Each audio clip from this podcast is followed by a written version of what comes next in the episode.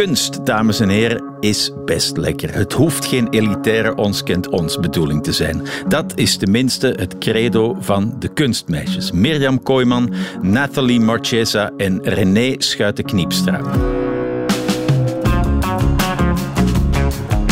Voorproevers. Mirjam Kooijman, welkom in Voorproevers. Jullie schreven gezamenlijk Meer dan de Muze. Een boek over vrouwen in de kunst in al hun rijkdom. Als muze, jawel, maar ook als maker en zelfs museummagnaat. Wanneer wist jij voor het eerst kunst is lekker welkom trouwens? Nou, dat is eigenlijk wel een grappige vraag. Want ehm, ik ben er niet echt mee opgevoed. Het was niet iets wat ik uh, van huis uit meekreeg. Maar um, op de een of andere maffe manier ben ik op de middelbare school. Toen moesten we toch een soort profielwerkstuk schrijven. Een eind. Uh, ja, een soort scriptie. Ja. En uh, ik kreeg ook geen kunstgeschiedenis op mijn middelbare school. Dat werd niet aangeboden. Maar uh, in het vak geschiedenis heb ik ehm, geschreven over de invloed van de kunst van Andy Warhol op de maatschappij. Of eigenlijk de wisselwerking van zijn kunst en de maatschappij. Ja. En uh, ja, ik weet eigenlijk nog steeds niet hoe ik daarop gekomen ben. Maar vanaf dat moment, uh, het onderzoek wat ik daarvoor moest doen, uh, toen ging er een wereld voor me open. En toen dacht ik, wauw, dit is echt fascinerend hoeveel je kunt leren van de wereld door de ogen van kunstenaars. De, ja, ja, tuurlijk. En, en, en ben je dan ook via die pop art de kunst ingerold, zeg maar? Of? Ja, dat, dat zou je kunnen zeggen. Terwijl, terwijl het nu een stroming is waar ik niet ongelooflijk veel meer mee heb. Want zo zie je dan ook dat je smaak een beetje evolueert. Ja. Maar uh, ja, ik denk dat nou, de, voor mijzelf is dat wel denk ik de meest logische verklaring hoe ik uh, uh, in de wonderenwereld van de kunst ben gerold. En in die zin waren de, de popkunstenaars in hun opzet geslaagd. De mensen binnenlokken via een populaire beeldtaal. Dus dat is helemaal gelukt. Absoluut. Jij maakt deel uit van de kunstmeisjes. Ik vraag dat vaak wanneer ik bands interview. Hoe leerden jullie elkaar kennen? Uh, via onze studie kunstgeschiedenis. Um, ik heb Nathalie en René ontmoet uh, in de studiejaren aan de Universiteit van Amsterdam. En um, we hebben niet eens de hele tijd dezelfde vakken gevolgd. Mm -hmm. Dat is best wel grappig, uh, is dat ieder van ons heeft weer een ander specialisme binnen die kunstgeschiedenis. Um, maar dat is wel hoe we elkaar hebben leren kennen. En we, we zijn vriendinnen geworden. En eigenlijk pas net na het afstuderen, of nou, tegen het afstuderen aan, misschien beter gezegd, um, realiseerden we ons dat we zoveel uit boeken leerden. Maar vanuit je studie, ja, het klinkt misschien heel gek, maar we werden niet per se gestimuleerd om ook echt naar musea te gaan. Huh. Um, je moest vooral zorgen dat je je literatuuronderzoek had gedaan en ja, uh, um, ja dat je je essays op tijd inleverde. En um, ja, we besloten met z'n drie. Um, uh, het begon eigenlijk gewoon met gezellige museumbezoekjes.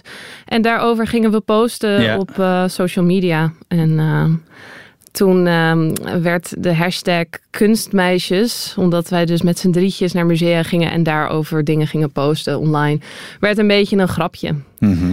En, uh, en dat grapje werd iets uh, veel serieuzer. Ja, jullie wilden met jullie neus uit de boeken, de musea in, maar nu hebben jullie zelf een boek geschreven. ja. ja, de ironie van het leven. Ja. Nou ja, maar wel een heel ander boek dan de boeken waar wij uit gestudeerd hebben. Ah ja, hoe dan? Um, nou, ik denk ten eerste, um, wij kregen altijd veel reacties van mensen in onze omgeving van wat leuk eigenlijk dat je kunstgeschiedenis gestudeerd of gestudeerd hebt. Mm -hmm. Maar ja, ik begrijp kunst nooit zo, dus het zal wel niet voor mij zijn. En ik dacht, ja, wij dachten altijd van wat zonde dat dat het gevoel is wat kunst bij veel mensen mm -hmm. blijkbaar teweeg brengt. Dat, het, dat er zo'n afstand is. En dat, dat zou toch anders moeten kunnen, want... Um, ja, wat ik eerder al zei. Het is, het is fantastisch, hè? En ja. het, is, het, is, het komt heel dichtbij en het is heel direct en het, het gaat ons allemaal aan. Ja, en, en kunstenaars, kunstenaars zijn ook maar mensen die Ja. reageren op dingen uit het leven. Um, maar ja, het taalgebruik is echt wel uh, een, een barrière voor veel mensen. Dus het is eigenlijk vooral hoe er over kunst gesproken en geschreven wordt. Mhm. Dan de kunst zelf, naar mijn idee. Ja, uh, jullie boek heet uh, Meer dan Muze. Uh, ja. Waarom wilde jij het, of wilden jullie het over, over de vrouwen in de kunst hebben? Nou, ehm, in 2018 werden wij benaderd door uitgeverij Meulenhof. En ehm, of wij een boek wilden schrijven. Daarvoor ehm, eh, waren we enkel actief als, als blog. Met tentoonstellingsrecensies. Nou, dat zet je niet zomaar om naar een boek. Dus ons eerste boek daarbij hielden we vast aan onze motivatie dat we mensen over de drempel van Ja. musea wilden krijgen. Dus we dachten, nou, ehm, en toen waren we ook nog echt gefocust op Nederland, en Mhm. inmiddels eh, op de Benelux. Ehm, maar toen dachten we, nou, laten we dan in ieder geval vasthouden aan dat we mensen die musea in willen krijgen. eh, toen dus nog in Nederland. Dus we hebben toen geschreven over onze 50 favoriete kunstwerken uit Nederlandse musea. Mhm. En we dachten, nou ja, als je kunstmeisjes heet, dan, ehm, dan moet het op zijn minst de helft van het boek gaan over vrouwen. Ja. Maar dat bleek nogal een opgave. Ehm, Ook voor jullie. nou, vooral omdat als je dus afhankelijk bent van wat er in Nederlandse collecties te vinden is. En dat dat dus best wel tegenvalt.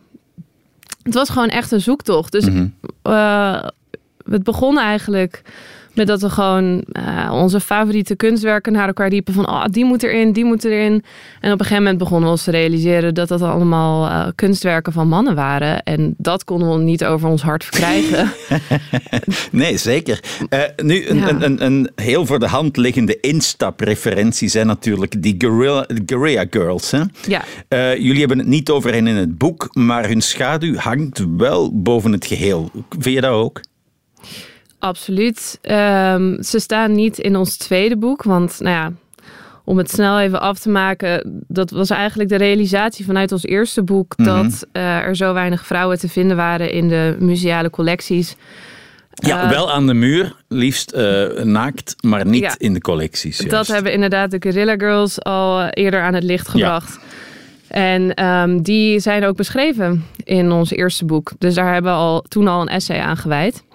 Ehm, en daarom dachten we, nou, we willen niet in de herhaling vallen. Wat we eigenlijk in ons tweede boek hebben willen doen, is dus vanuit dat eerste boek ontstaan, wat in 2019 is uitgekomen. Mhm. Maar we hebben eh, bij ons eerste boek gerealiseerd dat het niet alleen de museale collecties zijn waar ehm, de vrouwen nogal zwaar in de minderheid zijn, maar dus ook dat we vanuit onze studie het maar bar weinig hebben gehad over vrouwelijke kunstenaars.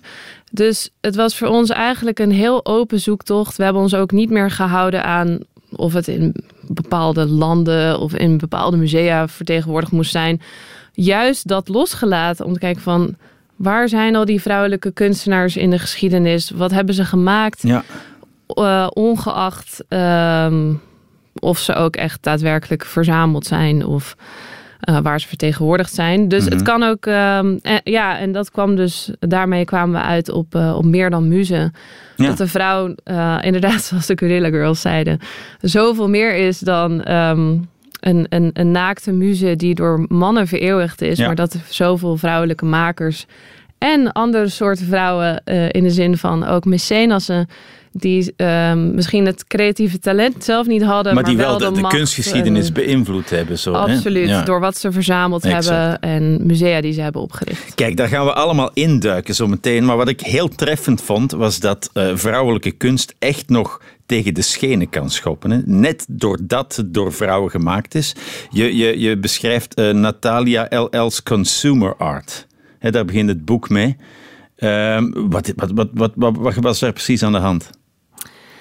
Ja, zij, ehm, het is een heel interessant verhaal geschreven door Nathalie Machessa. En ehm, over, zij, is een Poolse, eh, zij was een Poolse kunstenaar. En ehm, zij gebruikte de, eh, de banaan als een object wat eh, ze voor de camera eh, langzaamaan opeet. En dat was, de banaan was nogal dubbelzinnig, want uiteindelijk, ja, uiteraard het eerste waar we waarschijnlijk allemaal aan denken, een, een fallus-symbool. Eh, dus dat het eh, als zeer erotisch eh, zou aandoen. Maar er was nog iets anders interessants aan de hand. Ehm, dat in Polen op dat moment ehm, in het eh, communistische systeem eh, westerse producten geweerd werden. En dat bananen dus eigenlijk ehm, Symbool stonden daarvoor. ja, en, en, en ook iets wa- was. Een banaan was iets waar, waar heel veel verlangen naar was, maar wat bijna niet te krijgen viel. Dus ook een soort luxe product. Dus het, het had een, een dubbelzinnige um, betekenis. En je zou denken dat er misschien, nou ja, in, in de tijd dat ze dat kunstwerk maakten, dat dat dan um, misschien om de meer politieke reden Ja. geweerd zou worden. Maar eigenlijk is het vandaag de dag nog een heel uh, omstreden kunstwerk, omdat het ja, afgedaan wordt als pornografisch. En dat is uh, nogal ironisch, omdat um, vrouwen dus blijkbaar wel in grote getalen uh, op zeer erotische wijze Ja. mogen worden afgebeeld. Maar als ze zelf een, uh, een kunstwerk maken waar mensen in alle preutsheid dus enigszins ongemakkelijk van worden, dat het dan echt uh, te schandalig is om aan de muur te worden gehangen. En het werk is ook vandaag de dag nog steeds niet te zien in de vaste collectie. Hè?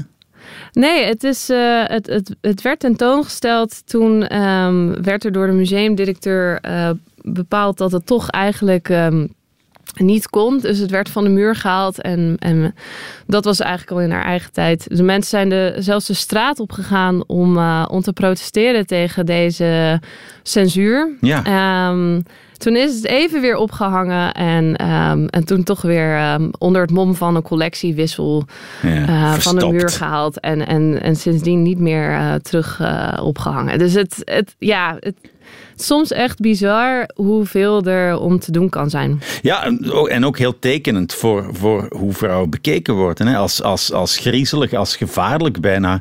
Uh, met, met, met wantrouwen wordt het ook nog steeds bekeken, uh, vrouwenkunst. Of toch een beetje meewarig. Ik, ik heb uh, kunst gestudeerd in de jaren negentig. En wanneer toen studiegenoten aan de slag gingen met textiel of, of meer persoonlijke objecten, kwam er van sommige mannelijke docenten het wat denigrerende stigma van ja, dat is vrouwenkunst. Dat is nog helemaal niet lang geleden. Uh, dat, dat, dat is wel kras. Ja, ik denk dat het um, um, een, een, thema zal zijn wat door blijft leven op, op een bepaalde manier. En um, een van onze redacteuren, want uh, sinds ons eerste boek zijn we redactie begonnen.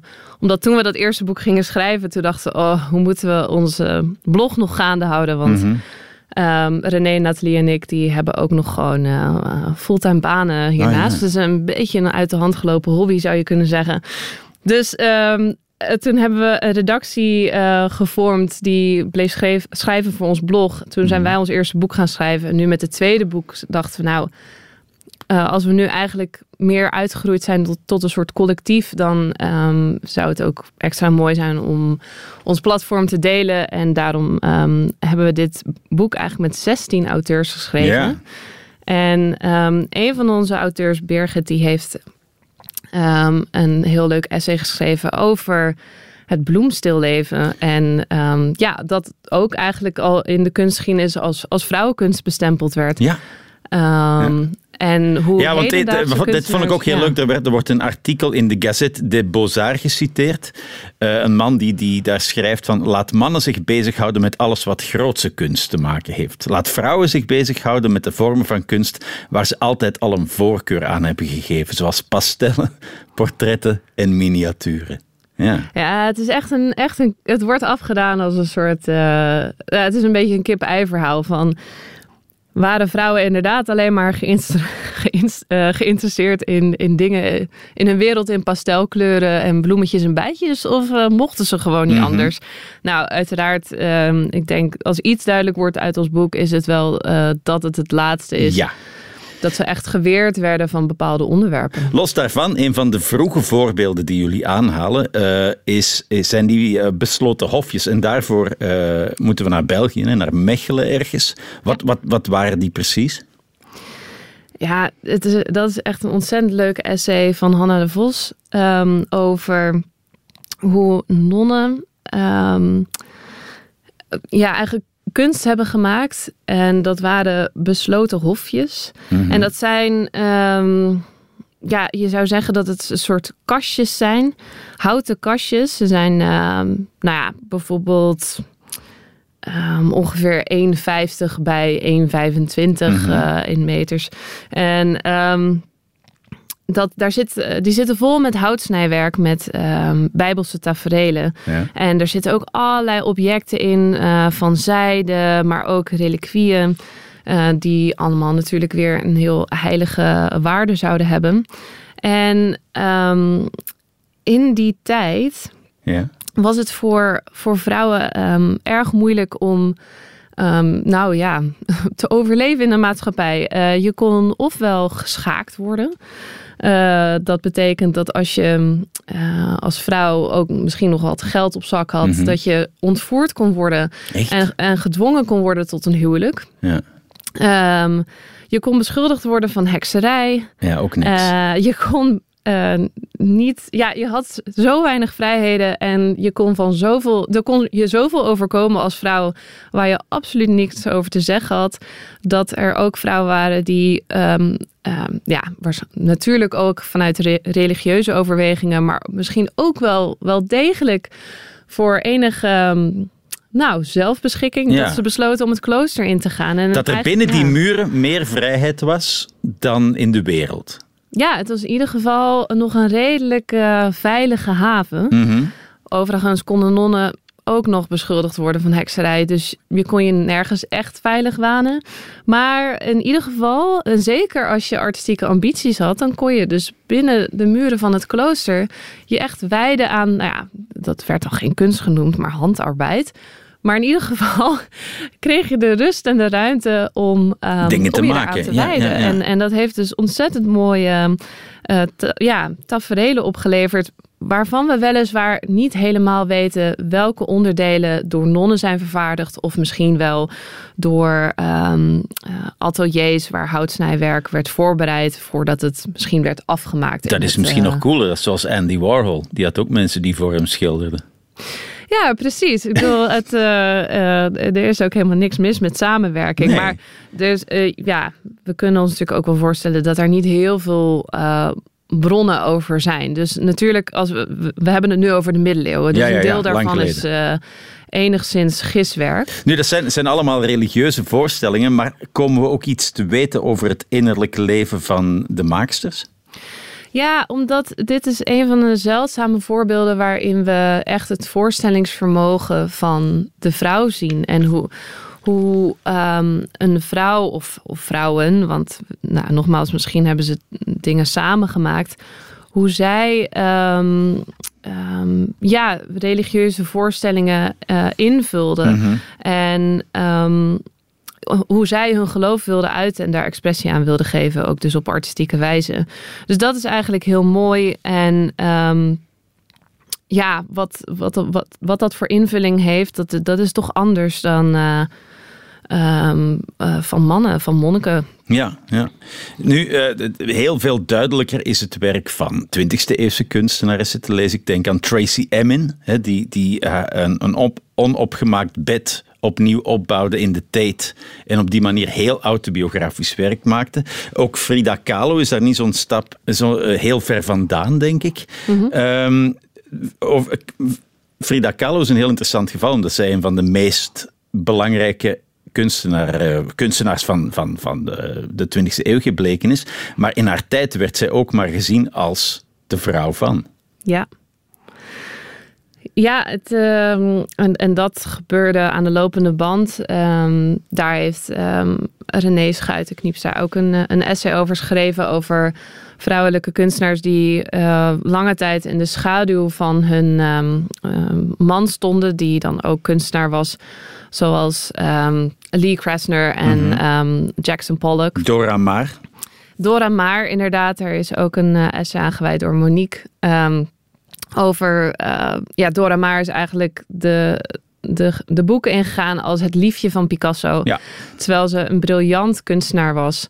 Al voor ze Ehm, hem leerde kennen trouwens. Absoluut. Ehm, ja, in de jaren dertig van Parijs.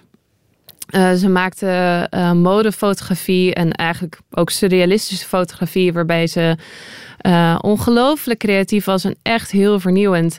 Ehm, en door Picasso is ze ook gaan schilderen. Mhm.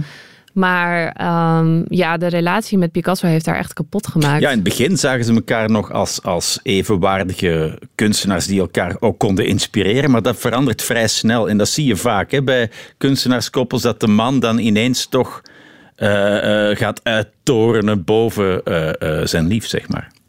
Ja, ik denk dat binnen de kunstenaarskoppels ehm, eh, het er toch, of ze het nou wilden of niet, dat er toch een, een strijd is om wie de meeste aandacht krijgt. En dat de vrouwen daar toch veelal het onderspit in dolven. En in de kunstgeschiedenis wordt dat dan toch snel afgedaan als ja, dan waren die mannen gewoon beter. Maar Mhm. als we daar een vergrootglas op gaan leggen en gaan kijken hoe dat toch echt zat in die tijd, dan zie je gewoon dat vrouwen structureel anders, ehm, eh, dat hun werk anders bekritiseerd wordt of bekeken wordt door de critici. Dat ze ehm, toch vaak in een positie worden gezet van leerling, terwijl dat, dat dan helemaal niet zo Mhm. is.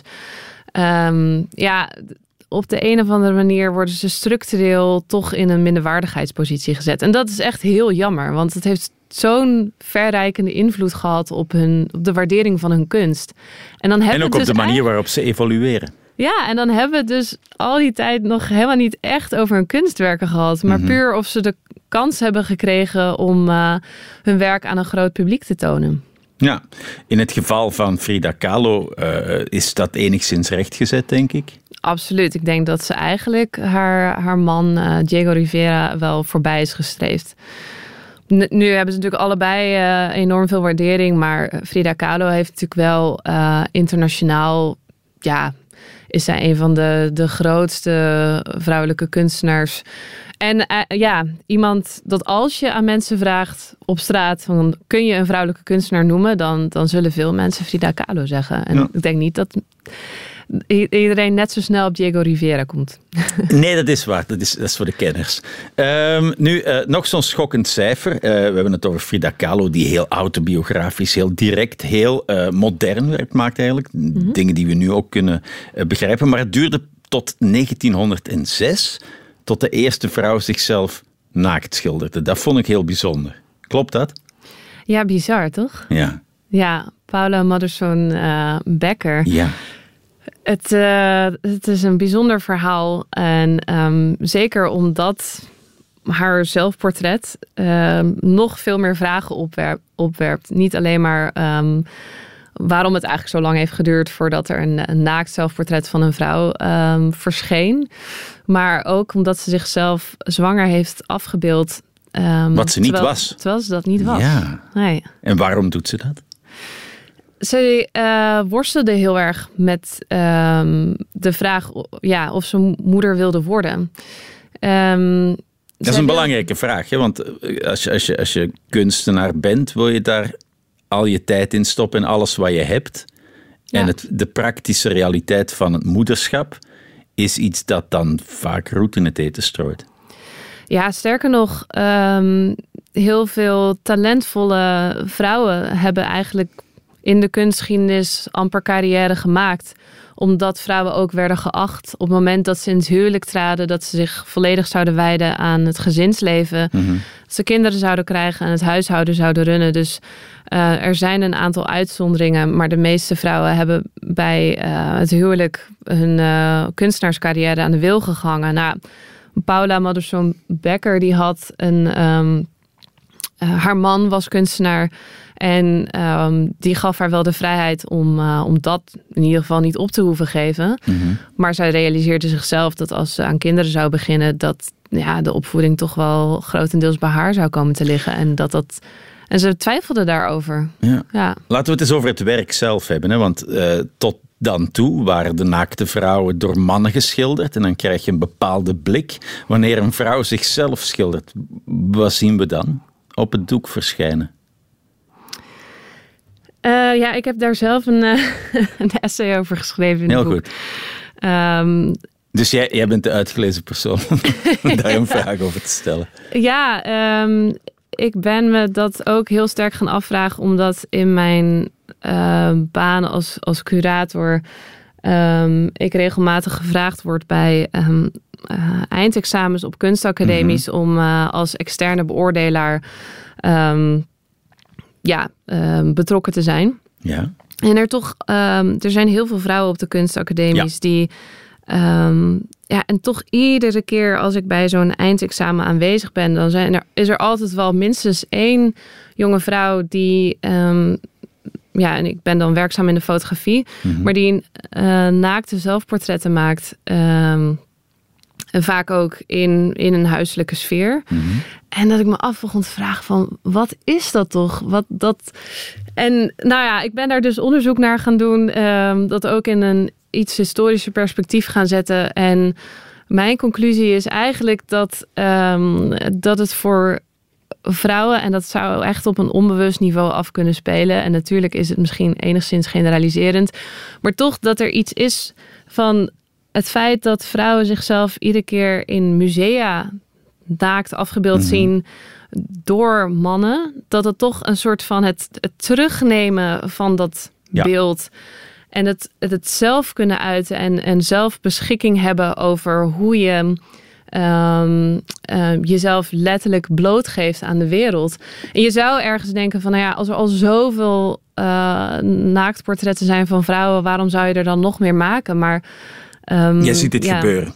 Ja, juist dat je dat, dat, je dat zelf die rol inneemt en, en daarin een kwetsbaarheid toont. Dat, dat geeft ook een enorm verschil aan tussen eh, mannelijke zelfportretten en vrouwelijke. Is dat Ja. je zeker als het op het niveau van het naakt afspeelt, toch vaak ziet dat het bij vrouwen veel meer een zelfonderzoek is. Ja. Waar het bij mannen toch meer een. Een soort eh, symbool.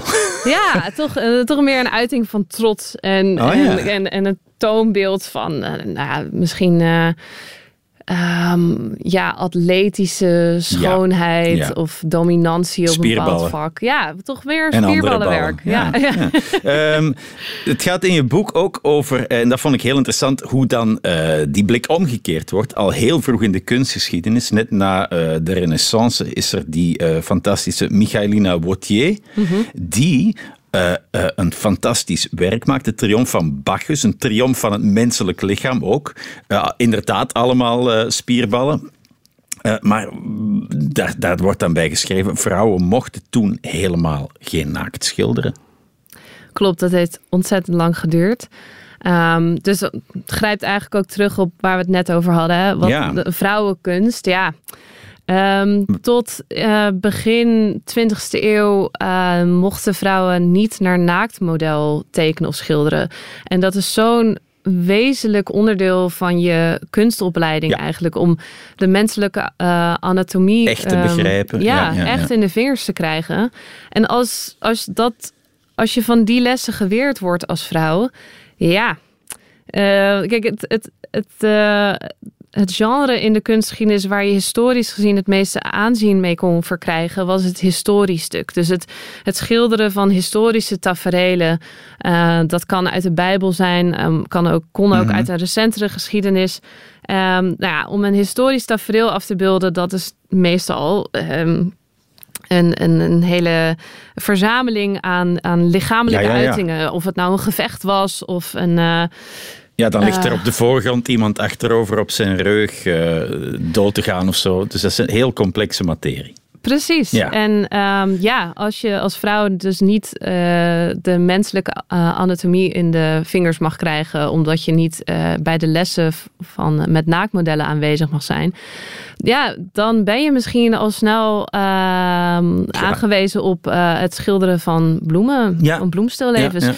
Dus Maar ja, goed, ze deed het wel, hè? Ja, dus Hoe deed ze het? Michaela Wautier dat heeft gedaan, dat is de grote vraag. Ah, dat Nou, weten we nog steeds niet. Nou ja, de, ehm, eh, Wouter heeft, ehm, dat is ons enige kunstmeisje die eigenlijk geen meisje is. Ik dacht het al.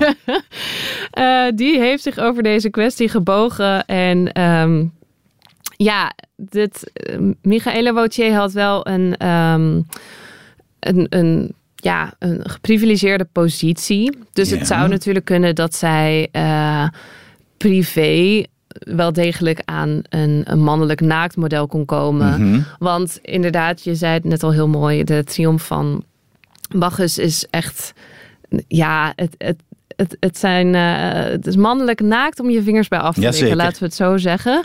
Eh, dus het kan gewoon niet dat ze, het kan geen giswerk zijn geweest. En ze heeft Ehm, ook geen prentje afgetekend of zo. Het is, het is duidelijk dat hier heel goed gekeken is. En met Ja, plezier klopt. gekeken is. ook dat. Nou ehm, ja, en, en we kunnen dus eh, uiteindelijk alleen maar gissen. Maar ehm, wat we kunnen gissen is dat Kijk, ze zou het van andere, andere mannelijke kunstenaars kunnen hebben afgekeken. En afgekeken is niet per se na, het exact naschilderen, maar toch, bedoel, als je niet naar een levend model kan schilderen, dan kan je het natuurlijk van andere afbeeldingen overnemen. En ze zou niet de eerste kunstenaar zijn uh, die zich heeft laten inspireren door uh, delen van andere ja. kunstwerken, hoe dan ook. Maar um, een van de meest vervente verzamelaars um, uh, van haar werk was uh, de aartshertog Leopold Wilhelm. En ja, ze had dus eigenlijk wel ja, de belangstelling van een aartshertog, dat heeft haar wel een bijzondere positie gegeven. Dus het kan ook wel echt zijn dat er voor haar wat extra mogelijkheden open waren. zijn ja, ja, ja. ja, ja Oké. Maar ik vond het heel interessant om, om op dat ogenblik in de kunstgeschiedenis al zo'n indrukwekkende, uh, allesbepalende uh, uh, vrouwelijke maker te zien. Nu, het boek staat er natuurlijk helemaal vol van Niki de Saint-Val. Maar je hebt het ook over Gertrude Stein, zonder wie de moderne kunst nooit geworden was wat ze is. Klopt. Um, Gertrude Stein was uh, een, eh, een belangrijke verzamelaar van kunst. Hij was eigenlijk de eerste die uh, Picasso op waarde schatte. Uh, het meest beroemde portret van haar is ook ja. door Picasso geschilderd. En zij. zij woonde in Parijs. Ja, ze kwam uit Amerika. ze had zich samen met haar broer in Parijs gevestigd. En ze begonnen aanvankelijk ook samen te verzamelen. Maar op een gegeven moment uh, hadden ze een oneenigheid in, in smaak. En daarbij waar het geld, het familiegeld naartoe ging. En welke aankopen. Dus um, um, uiteindelijk ja, ontstond er een breuk tussen de twee. En um, ja, zij was wel degene waar alle kunstenaars op bezoek kwamen. Op zoek naar goede raad of naar inderdaad uh, een, een verkoop van een werk. Niet haar broer. Nee, klopt. En zij had um, haar, ze had een huis met Alice B. Toklas, um, haar levenspartner. En um, iedere zondag stelde ze hun huis open als een soort salon. Ja. Waar, uh, waar mensen, ja, kunstenaars naartoe kwamen, inderdaad, om haar om advies te vragen, uh, om steun, om ideeën met elkaar uit te wisselen. Dus het was echt een, een, een heel ja, creatieve bijeenkomst waarbij uh, ideeën floreerden en, um, en het ook wel echt een soort place to be was. Als je in de kringen van Gertrude Stein um, hoorde, dan, dan had je een, een goede positie ja. uh, veroverd. Ja. En al die mannen staan nog steeds uh, in alle kunstgeschiedenisboeken op de voorpagina in hangen in alle musea. Dus ze, ze, ze, ze, was alles bepalend. Er waren ook vrouwen die musea stichten, bijvoorbeeld Peggy Guggenheim, mm -hmm. uh, uh, Helene Kruller-Muller. Zelfs het MoMA werd door drie vrouwen gesticht. Al die verhalen staan in de kunstmatches. We gaan ze niet allemaal vertellen, want dan, dan doen we toch een beetje aan, aan spoilers. Uh, maar mensen die het allemaal willen nalezen, dat kan in meer dan muze. het boek van de kunstmeisjes. Wat, wat zijn jullie nog van plan, Mirjam? Um, nou, nu moeten we heel even bijkomen. Ja. Maar um, nee, uiteindelijk zijn de radertjes bij ons alweer aan het draaien over uh, uh, nieuwe thema's. Um, er valt zoveel te vertellen over, over kunst en de kunstgeschiedenis dat we nog lang niet uitgeschreven zijn. Dus ik, ik kan oprecht nog niet vertellen waar een volgend boek over zou kunnen gaan. Maar ons blog gaat natuurlijk gewoon door. Dus de verhalen over kunst, die, die blijven we delen. Okay. En um, ja, we gaan nu even hard nadenken over uh, een ander urgent onderwerp binnen de kunsten waar we op ons willen storten. Kom dan volgende keer zeker nog eens terug. Uh, Mirjam, enorm bedankt uh, voor het gesprek. Graag gedaan. Wie meer voorproevers wil proeven, kan daarvoor het klokje rond terecht op VRT Max.